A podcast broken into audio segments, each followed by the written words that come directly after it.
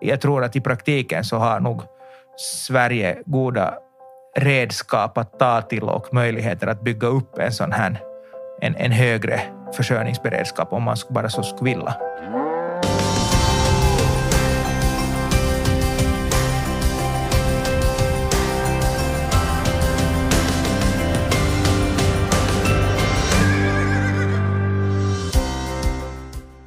Frågan om den svenska försörjningsberedskapen har aktualiserats efter de senaste årens internationella kriser. Men hur väl rustat är Sverige för allvarliga störningar när de sista svenska beredskapslagren såldes ut i början av 2000-talet? Grannlandet Finland har valt en annan väg. Istället för att avveckla har de vässat sitt system där staten och näringslivet samarbetar. Du lyssnar på Lantbrukspodden som i två avsnitt går igenom den svenska och finländska försörjningsberedskapen. Del 1 handlar om hur myndigheterna är organiserade.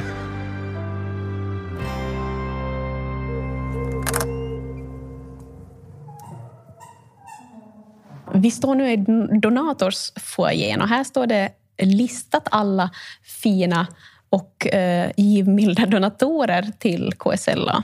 Som gör det möjligt här att ha sammankomster och en verksamhet. Exakt. Och nu kliver vi in i Karl Johan-rummet och det var ju just Karl Johan som var den som, som instiftade eh, KSLA 1811. Den Kungliga Skogs och lantbruksakademin instiftades på initiativ av den dåvarande kronprinsen Karl Johan. KSLA är en organisation som bland annat arbetar för att vara en fristående mötesplats för de gröna och blå näringarna med frågor inom bland annat jordbruk, trädgård, livsmedel samt skogs och skogsprodukter. Akademin har cirka 700 ledamöter. Vi sitter på Kungliga Skogs och lantbruksakademin på Drottninggatan i Stockholm. Och eh, bredvid mig sitter Jenny Asplund. Vill du berätta vem du är? Jag jobbar sedan ungefär en månad tillbaka här på KSLA som projektledare för ett nystartat försörjningsberedskapsprogram. Och jag jobbade tidigare som managementkonsult på McLean eh, i ungefär tre år och ursprungligen från Finland. I höst har KSLA startat ett tvåårigt program för försörjningsberedskap där syftet är att stärka robustheten i företag och organisationer och på så sätt bygga upp försörjningsberedskapen i samhället. Första delen kommer att fokusera på jordbruk och livsmedel och under andra halvan av 2024 så kommer fokus även att ligga på skog och skogliga produkter. Hur skulle du sammanfatta eh, den svenska beredskapen? Nej, men när det gäller den här svenska livsmedelsberedskapen så har det ju de senaste 30 åren varit en slags berg och dalbana. Från att vi på 80-talet, 90-talet eh, hade en väldigt förhållandevis hög beredskap. Med, eh, som, ja, den, sen har det ju gått ner, men då så bestod det av, av fem huvudsakliga punkter. Vi hade en bättre försörjningsgrad. Nu brukar man ju säga ungefär 50 procent av, av eh, vår korg är eh, importerad.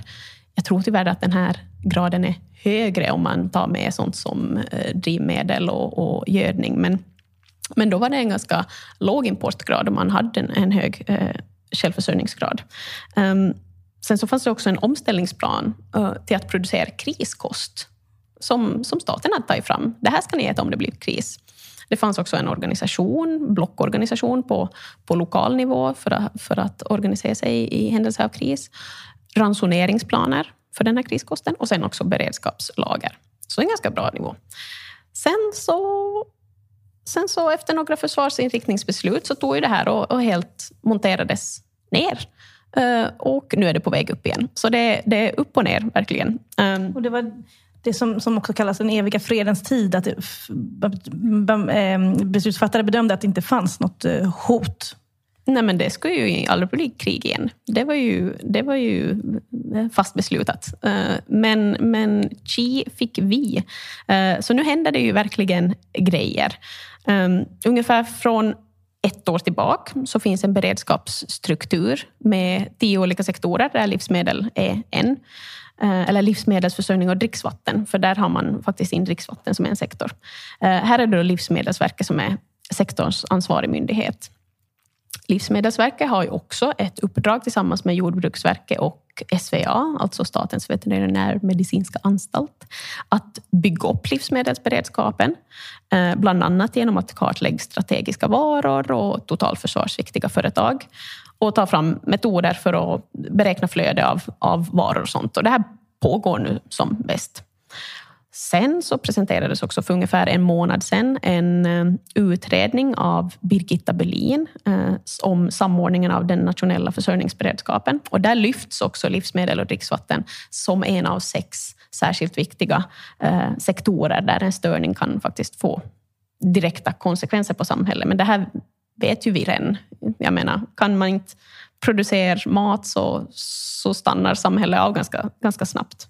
Men, men det är också viktigt att det framkommer i statliga utredningar att det är av, av stor vikt. Mycket viktigt, för att det visar ju på att det, då får ju politikerna ännu en, en, ett incitament att satsa på det här. Men den här utredningen den handlar mycket om myndighetsstrukturer och inte så mycket kanske praktiskt om, om försörjningsberedskap eller krishantering.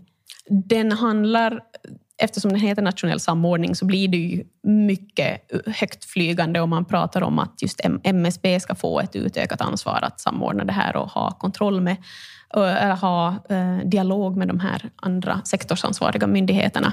Det var en, en av de eh, ska man säga, tydligaste förslagen Ja, verkligen. Och sen så kommer det lite mer så här principiella beslut och fingervisningar om beredskapslagring och eh, finansieringsförslag och, och lite sånt. Um, någonting som kommer att presenteras sen i januari eh, som är av en, en annan utredning som är av Ingrid eh, Petersson. Så den, eh, den kommer ju handla om livsmedelsberedskap särskilt. Um, så, så den kommer ju kanske snarare att vara mer, mer konkret på, på den punkten. Ja, den har, den har blivit framskjuten, eh, den här utredningen. Ja, precis. Den skulle ju ha blivit presenterad här nu under, under hösten, eller om det var i december. Men nu är det sista januari som, som gäller. Det kan ju hända att man ville fånga in den här Berlins utredning och de slutsatser man hade i det, det betänkandet. Något annat som jag eh, tänkt också kring vad som, vad som pågår just nu, så är det här med att det finns det här näringslivsrådet där det är 14 organisationer som är, som är representerade. Det här näringslivsrådet så jobbar då just för civilt försvar och beredskap. Ehm, det som är intressant där är att det finns bara en representant, men det finns en representant för eh, livsmedelssektorn och då är det LRF. Så det är ganska viktigt och intressant. om vi pratar med vad som händer på näringsliv, för det här är ju mycket utredning och, och så här, så eh, har ju de här senaste åren verkligen sagt, satt ljuset på vikten att ta fram en egen krishanteringsplan. Så företag själva så bygger ju upp sin, sin beredskap och man, man analyserar vilka sårbarheter man har och kanske ser över leverantörsbasen och så vidare. Många kanske tidigare lägger omställningen till förnyelse, förnyelsebar energi också för att kunna vara lite mer flexibel om det kommer sådana störningar. Men av given anledning så är ju företag och privata näringslivet inte lika öppna med och kommunicera vilka, eh, vilka steg man tar i att stärka sin robusthet. Så det rör på sig i frågan. Den har varit ganska eh, tvärdöd, men den har växt till liv nu. Det har gjort att i, i de samtal och diskussioner som förs så tittar ju många österut mot Finland som, eh, som aldrig eh, har avvecklat eller gjort avkall på, på försörjningsförmågan och beredskapen. Och du är ju uppvuxen på en gård i Österbotten. Skulle du kunna kort sammanfatta hur situationen är i Finland?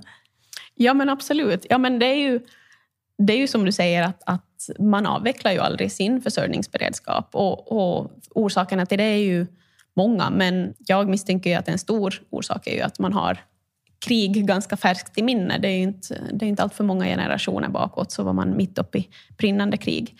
Sen så har ju också Finland generellt en högre försörjningsgrad än Sverige. Man brukar prata om 80 procent, men likadant där så kan det ju vara lägre om man börjar prata om att eh, importera också insatsvaror.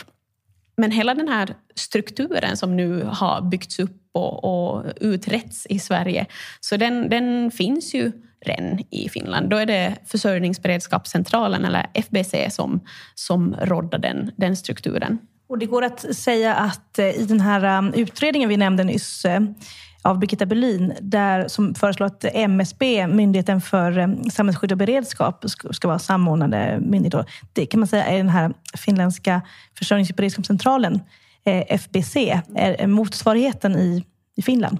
Ja, men det kan man ju säga. Det är inte riktigt...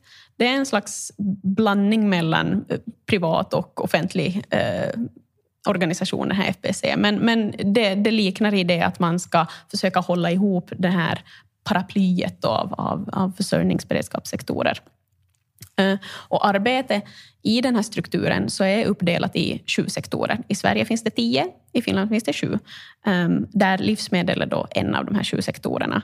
Eh, och I varje sektor har man sen enskilda pooler som fokuserar på eh, specifika områden i den här sektorn. Så livsmedelssektorn har primärproduktion, livsmedelsindustri, dagligvaruhandel men sen också hemberedskap.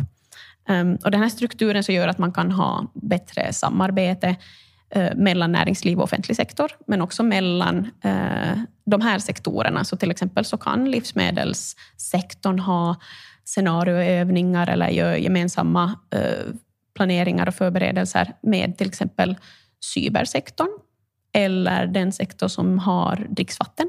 Så, så det, det här liksom samarbetsstrukturen är ju väldigt viktigt. Och även att det sker informationsutbyten som, som den här um, försörjningsberedskapscentralen också eh, är liksom som, en, som en nav i det. Att, man, att alla får eh, alltså lämna information, inte affärshemligheter, men ändå att det mm. finns liksom en, en, eh, en sån genomgående struktur mm. i hela liksom, livsmedelskedjan. Mm. Exakt. Och de här företagen som är med och delger den här informationen och får information också. Så det roliga är ju att de är med på, på frivillig basis. Och det här är någonting som man har lyft upp. Man har till och med gjort analyser. Varför är den här strukturen så bra? Och, och förstås, vad, vad, kan vi lära oss och utveckla? Men det som har kommit fram som en väldigt positiv och, och, och tydlig styrka är den här frivilligheten och att man är med och ser att ja, men om, om mitt företag bidrar med tid och information idag um, för att kunna hjälpa och stärka den här strukturen, så kommer den här strukturen sen att kunna hjälpa mitt företag när, när det så att säga barkar ut för. Um, och att det även går då att, att, eh, när FBC sammanställer det här så blir det också kraftfullt att lämna det mot, gentemot eh, politiken. Mm, ja men exakt. Och de här, som du sa, de här, eh, den här strukturen gör att företag kan kommunicera med varandra. Så under coronapandemin så kunde ja, men man kunde snabbt identifiera i handeln vilka varor som inte sålde längre eller vad som det var brist på för att man i industrin sen kunde eh, snabbt ställa om och kanske justera produktionen och, och upphandlingen efter det. Allt det här så jag menar, det är, inte, det är inte gratis, men då finansieras den här strukturen och den här försörjningsberedskapscentralen med en vad man kallar då beredskapsavgift, som är en slags skatt egentligen. Och det här är då på importerade bränslen. Det kan vara, eh, nu är det inte så mycket kol, men diesel och, och sånt här. Och det här uppgår, vad ska man säga, den samhälleliga skatten då, som går till försörjningsberedskapscentralen så uppgår till ungefär 40 miljoner euro per år. Så nu med, med en dålig krona så är det lite mer än 400 miljoner kronor. Men, men det är ju ändå mycket pengar. Och det här går ju då dels till hela kansliet och, och sånt och rådda det, men sen också till avtal med företag för att hålla lager. För att det är ju en, en, någonting som är lite annorlunda i Finland från Sverige, att där har man ju kvar de här beredskapslagren som finns på tre olika nivåer, där man har då dels de här obligatoriska lagren av, av, av olja, men sen så finns det då um, säkerhetslager som FBC har och skyddslager som då de här eh, företagen har eh, baserat på avtal. Lite större omsättningslager kan man kalla det nästan. Och att nu har man höjt så att nu kan man försörja eh, den finländska befolkningen upp till 8,5 månad.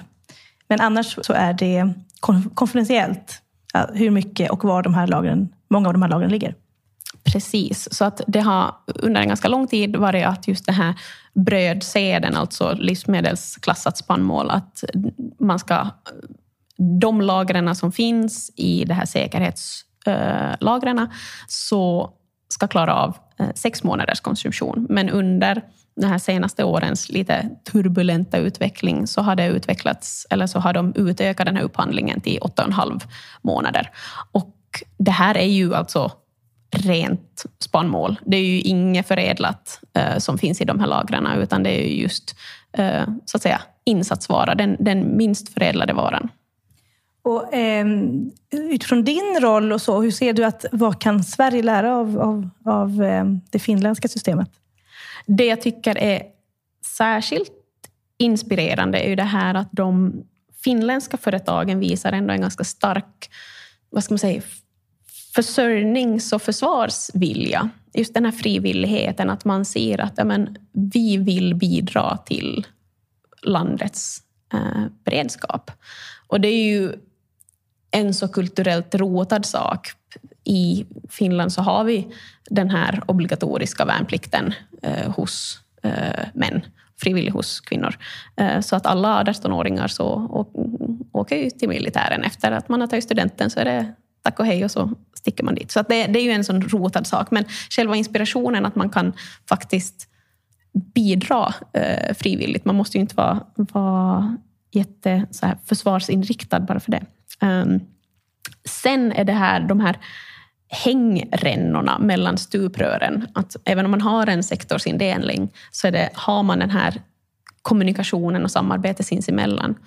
Och det är någonting som är väldigt, väldigt viktigt och som jag hoppas att, även om man har den här strukturen i Sverige nu, att man också kommer att tänka på hängrännorna emellan. Och finns det något eh, som eh, Finland kan eh, inspireras av, av Sverige?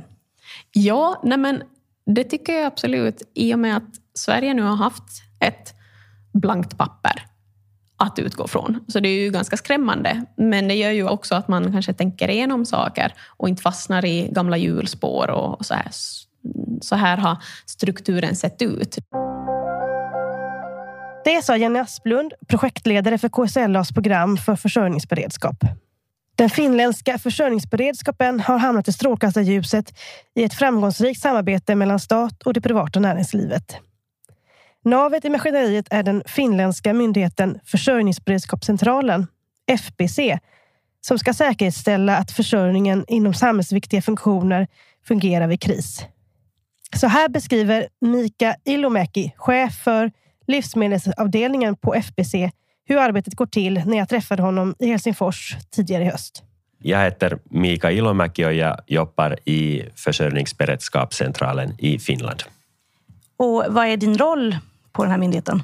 Jag jobbar som en uh, senior specialist inom livsmedelskedjan. Och hur, eh, om du kort skulle beskriva hur eh, myndigheten är uppbyggd? No, vi har försörjningsberedskapscentralen och sen vi har försörjningsberedskapsorganisation bakom oss och där finns ungefär tusen eh, eh företag. Nu har det ju varit två stora internationella kriser. Eh, dels eh, pandemi, pandemin och sen ehm, eh, Rysslands invasion i Ukraina. Hur, hur har det påverkat organisationen? Det har påverkat väldigt mycket och, och liksom alla, alla vill vara med och, och, vill jobba med den här organisationen och, och liksom före, företagarna de är ju, ju, ju liksom väldigt gärna med oss. Och liksom, de får uh, veta och, och, och, liksom att, att de, de får, får mycket information och, och från, från alla, alla som är med och liksom, det är den bästa praxis som, som vill man lära sig. Det sa Mika Ilomäki, chef för livsmedelsavdelningen på FBC, Försörjningsberedskapscentralen i Finland. Hur viktig är försörjningsberedskapen i Finland? Staffan Perman är chefredaktör för Landsbygdens folk som är medlemstidningen för de svenska lantbruksproducenternas centralförbund, SLC. Centralorganisation för de svenskspråkiga skogsägarna och lantbrukarna i Finland. Han är själv lantbrukare och driver en växtodlingsgård cirka åtta mil öster om Helsingfors. Ja, nu sitter vi då alltså här i, på Landsbygdens folks redaktion som ligger i eh, SLCs utrymmen här i Helsingfors. Så SLC är alltså en av två producentorganisationer i Finland. Det finns också en annan som heter MTK och som är då aningen större. SLC representerar de svenskspråkiga lantbrukarna i Finland. Och vad skulle du, om du skulle beskriva den eh, finländska livsmedelsberedskapen, hur, skulle det, hur beskriver du den?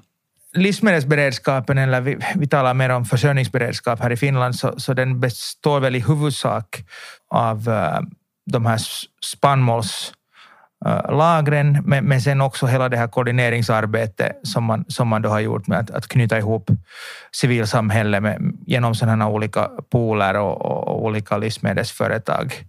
Uh, och, och, på det sättet så har man då en, en, en beredskap. Och, och sen så har vi ju en viktig del av försörjningsberedskapen också för livsmedelssektorn är ju också den här koordineringen av liksom bränsle och energi. Att man har, har, har då sådana olje, oljelager. Och jag skulle säga att de här fysiska lagren i Finland så det är egentligen tre, tre, tre saker. Det är liksom spannmål och det är bränsle och olja och sen är det sjukhusutrustning. Det är egentligen de tre.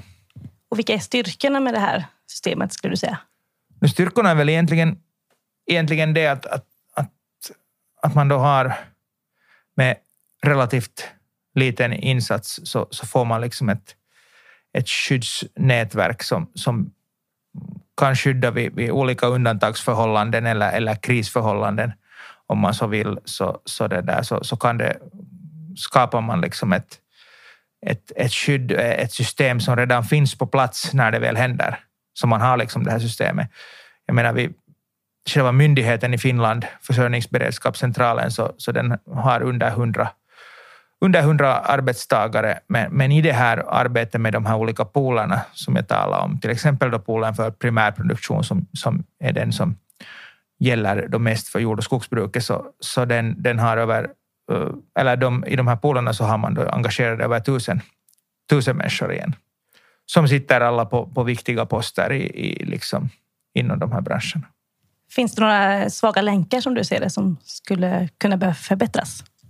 No, jag tror att hela Västeuropa har väl varit alldeles för mycket beroende av, av, av eh, hela Västeuropa och kanske då framförallt Tyskland har varit mycket beroende av, av rysk energi. Och det har vi ju nog också varit, i och för sig inte lika mycket som till exempel Tyskland, men, men vi har nog också varit beroende av rysk energi här i, i Finland och, och vi vet ju alla att eh, inom jordbrukssektorn att just konstgödseltillverkningen så kräver ju, har ju, har ju tidigare varit långt, långt uppbyggd just med, med naturgas.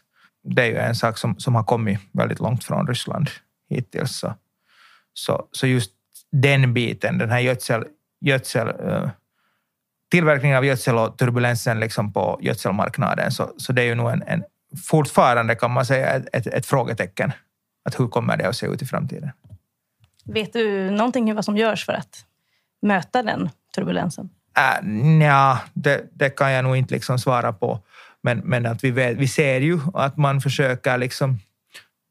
Olika, EUs olika medlemsländer försöker ju bli mer självförsörjande på energi och, och framför allt äh, också liksom balansera upp, att inte, inte vara för beroende av, av liksom ett visst land eller en viss aktör, utan få ett liksom jämnare liksom balansera upp den där, äh, sin egen energipalett. Det försöker ju också till exempel Tyskland som är en stor energiförbrukare. Och eh, hur, eh, hur viktigt är den här frågan i Finland med en stark livsmedelsberedskap? Uh, no, den är nog viktig. Den är nog viktig. Att vi har ju haft en stor självförsörjningsgrad på, på livsmedel uh, och inom liksom jordbruket i Finland behövt närmare, närmare 80 procent den är nog högt på den politiska agendan. Samtidigt är den ju inte en fråga heller som är särskilt kontroversiell eftersom det är ingenting... De flesta politiker, de flesta tjänstemän, de flesta myndigheter, företag, organisationer är liksom rörande överens om att det behövs en förhållandevis stark eh, försörjningsberedskap och också självförsörjning. Sverige tittar ju nu på Finland att bygga upp ett, ett liknande system. Eh, hur ser du på den svenska beredskapen? No, vi vet ju att den äh, svenska självförsörjningen är ju lägre. Den har väl varit på flera områden omkring 50 procent. Vissa kanske till och med, vissa sektorer inom jordbruket kanske till och med lägre. Jag tror kanske att det finns brist på det tänk och den medvetenhet vi har äh, i Finland inom försörjningsberedskapen, den liksom, där, där finns en, en stor brist. Sen i praktiken så kanske det inte är så illa ställt i Sverige som man kanske skulle tro. Jag tror att i praktiken så har nog Sverige goda redskap att ta till och möjligheter att bygga upp en sån här en, en högre försörjningsberedskap om man bara så skulle vilja. Att jag, jag, tror inte att det i praktiken är så illa som... som men det här tänket, den här medvetenheten, den, den är nog betydligt högre i Finland. Det sa Staffan Perman, chefredaktör för Landsbygdens folk. Vad tycker då svenska beslutsfattare och politiker om detta ämne? Lantbruks politikreporter Kristina Hansén ställde frågan till Emma Norén, ordförande för miljö och jordbruksutskottet och riksdagsledamot för Miljöpartiet. Nej, men kriget i Ukraina har ju gjort att eh, beredskap har kommit upp på ett helt nytt sätt. Eh, och eh, där är det ju allt från eh, den europeiska solidariteten och eh, hur vi kan göra på hemmaplan. Men sen har vi också haft många olika EU-lagstiftningar som också påverkar jord och lantbruk och beredskapen som förstås har tagit mycket tid från utskottet i år man har kunnat se att, att det finns saker som man skulle kunna göra bättre för att stärka jordbruksförsörjningsberedskap. Och det finns ju det är flera utredningar som, som pekar på det här och lantbruket eh, är stundtals frustrerade över att, eh, det är, att det finns mer att göra. Vad skulle du vilja se för åtgärder för att få en bättre beredskap? Vi har jobbat med det här länge. Vi hade en, en, en stor debattartikel och eh, med åtgärder redan 2018 om just beredskap inom jordbruket. Och det handlar ju dels om att vi ska ha en högre självförsörjningsgrad, men det är inte bara på grödor och vad vi ska odla, utan det är ju insatsvaror. Går vi mot ett fossiloberoende, det betyder ju också att vi blir mindre sårbara om vi själva kan producera den gödning, de insatsmedel vi behöver, om vi kan få andra alternativa bränslen som vi kan tillverka själv till våra jordbruksmaskiner. Men sen måste vi också ha forskning på till exempel utsäde som funkar i våra breddgrader. Eh, och eh, hela det här eh, hänger ju ihop och vi ser ju vad sårbart det är nu med en höjning av eh, drivmedelspriser till exempel eller med en avskuren väg från, med eh, vete som ska ut från ett land eller så vidare. Så att det här är ju någonting som man verkligen borde titta på nu och borde ha gjorts tidigare mycket mer. Så om du vore jordbruksminister eller landsbygdsminister då, som, som Peter Kullgren i den här regeringen, vad hade du gjort då? Det skulle jag ta de lärdomarna som vi redan har. Eh, jag skulle också använda arbetet med den nya livsmedelsstrategin till att lyssna in fler aktörer och eh, se vad som finns och också lyssna på forskningen. Vi kan inte göra mer av samma sak som vi gör idag. Vi måste också tänka nytt och se att vi har ett nytt klimat, vi har en ny geopolitisk eh, omvärld och där måste vi ta flera steg framåt och både ha business as usual, men vi måste ha forskning, innovationer eh, och eh, en högre beredskap även för hur vi ska ta oss in i framtiden och bli fossiloberoende. Det sa Emma Norén, riksdagsledamot för Miljöpartiet. En fingervisning på vad som är trendigt på den politiska spelplanen kan vara att titta på Almedalens program i Visby, där politiska partier, organisationer och företag samlas varje år för att diskutera aktuella frågor. En programpunkt från årets upplaga var Vi måste gödsla för beredskap och självförsörjning som arrangeras av Lantmännen. Deltog i panelen gjorde Marlene Lund Kopparklint, riksdagsledamot för Moderaterna. Så här säger hon om ämnets status när jag träffade henne på hennes riksdagsrum på Rosenbad i Stockholm. Eh, jag heter Marlene Lund Kopparklint, riksdagsledamot för Moderaterna. Eh, bor i Värmland, ute på landsbygden eh, sitter i miljö och jordbruksutskottet i, i riksdagen. Eh, brinner för frågor som rör landsbygden men också för att eh, Sverige ska bli mer självförsörjande och eh, vakna upp för en lätt naivitet under många år. Och eh, varför har du engagerat dig i de, i de här frågorna? Jag har alltid varit intresserad av det eh, och att vi ska kunna ta hand om oss själva och vara självständiga. Och vi har ju inte varit självförsörjande eh, med mer än ett fåtal produkter. Eh, vi är väl självförsörjande till 50 procent. Men vi behöver höja den här graden. Vi kan inte lita på att någon kommer och hjälper oss om någonting skulle hända. Och det såg vi inte minst under pandemin, så då blev den här frågan jättemycket mer aktuell. Och eh, under de senaste 30 åren som du nämnde, så nu är det drygt 50 procent av försörjningsgraden som vi har i Sverige, men för 30 år sedan var det 75 procent. Eh, hur, hur eh, tycker du att den behöver öka, vår självförsörjningsgrad? Jag tycker givetvis att vi ska gå tillbaka till den eh, procentsatsen som vi hade. För Sverige har ju en tradition av att vara väldigt duktiga på det här. Precis som Finland är idag. Eh, de är ju idag där vi var då och dit måste vi komma. Eh, det är otroligt viktigt och då har vi en lång resa att göra men vi är medvetna om det nu. Vi, vi har haft ett uppvaknande som vi måste ta på allvar. Och vad behöver göras eh, som, som du ser det? Ja, allt ifrån att eh, människor behöver bli mer medvetna. Det tror jag är det allra viktigaste. Att, att du och jag och våra vänner och bekantskapskretsen faktiskt förstår att man måste vara förberedd. Man måste ha utrustning och eh, försörjning hemma om någonting skulle hända vid kris till att börja med. Men jag vet många som inte ens kanske har mat för, för tre dagar. Det, det är det lilla man kan göra. Sen måste man underlätta för lantbruket, eh, uppmuntra till lantbruk. För det ser man också har minskat på grund av olika svårigheter genom åren. Så det finns väldigt många eh, faktorer som man måste jobba med, men inte minst politiskt. Att man eh, jobbar vidare och utvecklar den här medvetenheten och ser till att göra rätt framåt. Ja, konsumentmakt är en sak och viktigt att man ser över sitt eget hus, så att säga. Men just när det kommer till lantbrukarna så det har varit mycket det har varit mer diskuterat de senaste åren eh, med, eh, Eh, med, med krig och pandemi eh, än våra tidigare kanske. Men för lantbrukarnas del så kanske det inte har skett så mycket konkret politiskt. Eh, eh inte heller sedan ni kom till regeringsmakten. Vad, vad, vad, vad beror det på, tror du?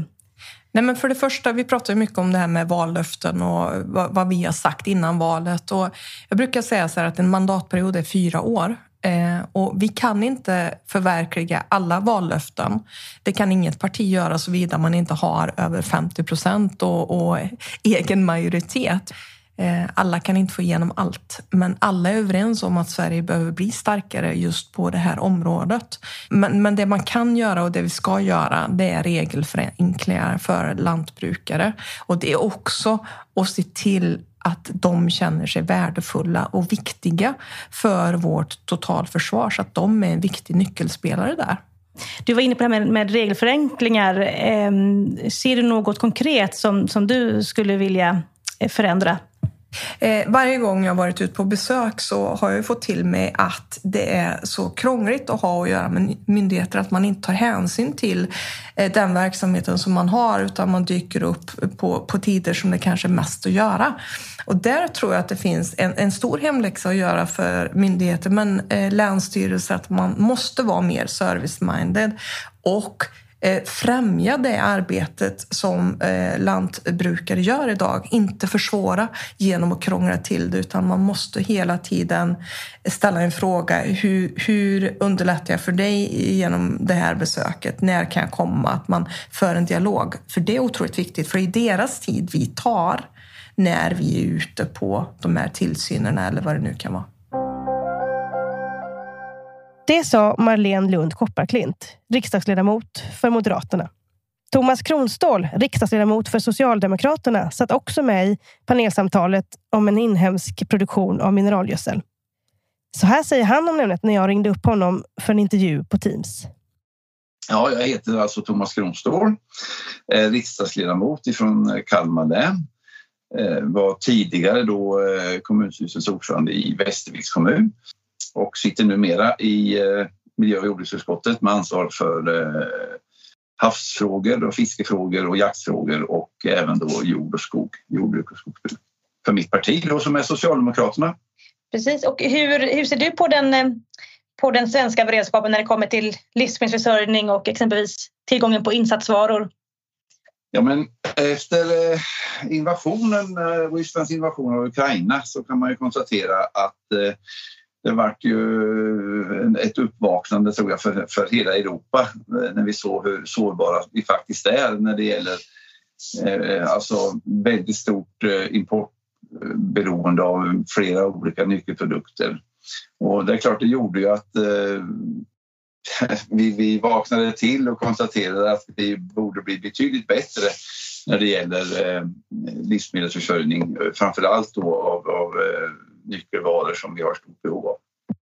Och, eh, så det har vi jobbat med sedan dess och jag tycker det, ja, det, det, det, det är ju naturligtvis en enorm utmaning också i dagens läge. Jag kommer ihåg då när det här hände eh, så eh, då, då konstaterade vi samtidigt att, att vi ville att våra livsmedelsproducenter skulle producera mera råvaror. Eh, samtidigt så, så eh, var ju deras insatsvaror som konstgödsel och annat betydligt eh, dyrare med det världsläget som var. Energipriserna stack, dieselpriserna stack och, samtidigt så ville vi att de skulle producera ännu mer. Då. Så att jag förstod ju att det var en, en, en fruktansvärd utmaning för, för det svenska lantbruket på olika sätt. Och då gjorde vi ju vissa saker där med en gång och det var ju bland annat det här stödpaketet då till, till, till Sveriges bönder på över 300 miljarder tillsammans med Centerpartiet. Och, och, och det, det, tyckte jag var viktigt att vara med och drev den frågan ganska så hårt. Och om du ser, om, kan du vara självkritisk och se nu när ni inte är i regeringsmakten, är det någonting som du ser nu som ni skulle ha, kunna ha gjort annorlunda med tanke på hur det har utvecklat sig? Nej, men någonting som vi har föreslagit nu som vi tycker är, Eh, är, mycket viktigt är ju bland annat att vi vill tillsätta en, en, en priskommission. Eh, för att eh, vi ser ju vi ser ju nu att om, om energipriserna börjar gå ner eh, alltså både el och diesel kanske, eh, nu är det väl elen främst som har gått ner, så, så, så måste vi liksom få stopp på prisutvecklingen också när det gäller eh, matvaror och annat. Och därför så skulle vi tillsätta, eh, vilja tillsätta en priskommission Eh, som, som eh, har koll på det här och, och där man tillsammans går igenom vad som är möjligt att göra. Ser du några motsättningar som gör att det inte kommer fram snabbare, att utvecklingen inte går snabbare när alla känns som att det finns någon typ av samsyn i vad som kanske behöver göras. Eh, utan det är som att man tycker att det är viktigt men heller inte att det, att det händer så mycket konkret förutom då det kommer ja, krisstöd och så men det, det, det, är ju inte någonting som det är kortsiktigt men inte, kanske som inte gör någon skillnad i långa loppet jag, jag, jag menar ärligt talat att den här regeringen gjorde ett gigantiskt stort misstag när man dels inte var vakna på, på den här skattereduktionen som försvann i EU tack vare att det var ett tyskt företag som klagade på den. Eh, det var ju ett eh, misstag vill jag påstå, det skulle man ha varit vaken tidigare. Och sen är det ju ett, ett eh, någon form av bakslag och osäkerhet som är ganska så kraftig när det gäller det här med med tillverkning av biobränsle och reduktionsplikten och hela den här delen som har gjort att det finns en oro i marknaden. För det var ju ändå, eh, jag kände att det var väldigt många bönder och företag som, som kände att det här var en framtidsbransch. Man kunde producera i, i, i eh, eget biobränsle på olika sätt. Och jag tror att det hade kunnat gått att utvecklas ännu mer. Och, och det vart ju tvärstopp kan man ju säga av, av, av både Eh, liksom att man skulle ta bort reduktionsplikten ner till noll eh, som Sverigedemokraterna önskade och eh, att, att den här skattebefrielsen försvann. Det var ju två duktiga käftsmällar.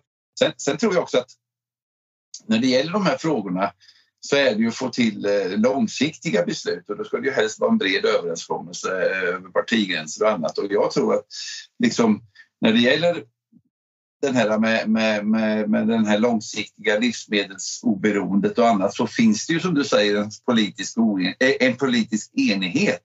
Men sen är det ju hur vi ska nå det målet som är eh, Ja, det är väl det som är eh, lite problematiskt. Men jag menar ju att eh, regeringen kunde ha gjort mycket men vi kan också konstatera att så länge Riksbanken bara har uppdraget att, att försöka få, få ner inflationen med höjda räntor så har man inte tagit sitt uppdrag på riktigt allvar anser jag. För att Idag tror jag att räntorna bidrar till inflationen istället. Mm. Och det finns en stor risk. Sist hörde vi Thomas Kronståhl, riksdagsledamot för Socialdemokraterna. Vi har velat ställa frågor om statusen för den svenska försörjningsberedskapen hos flera högt uppsatta ansvariga.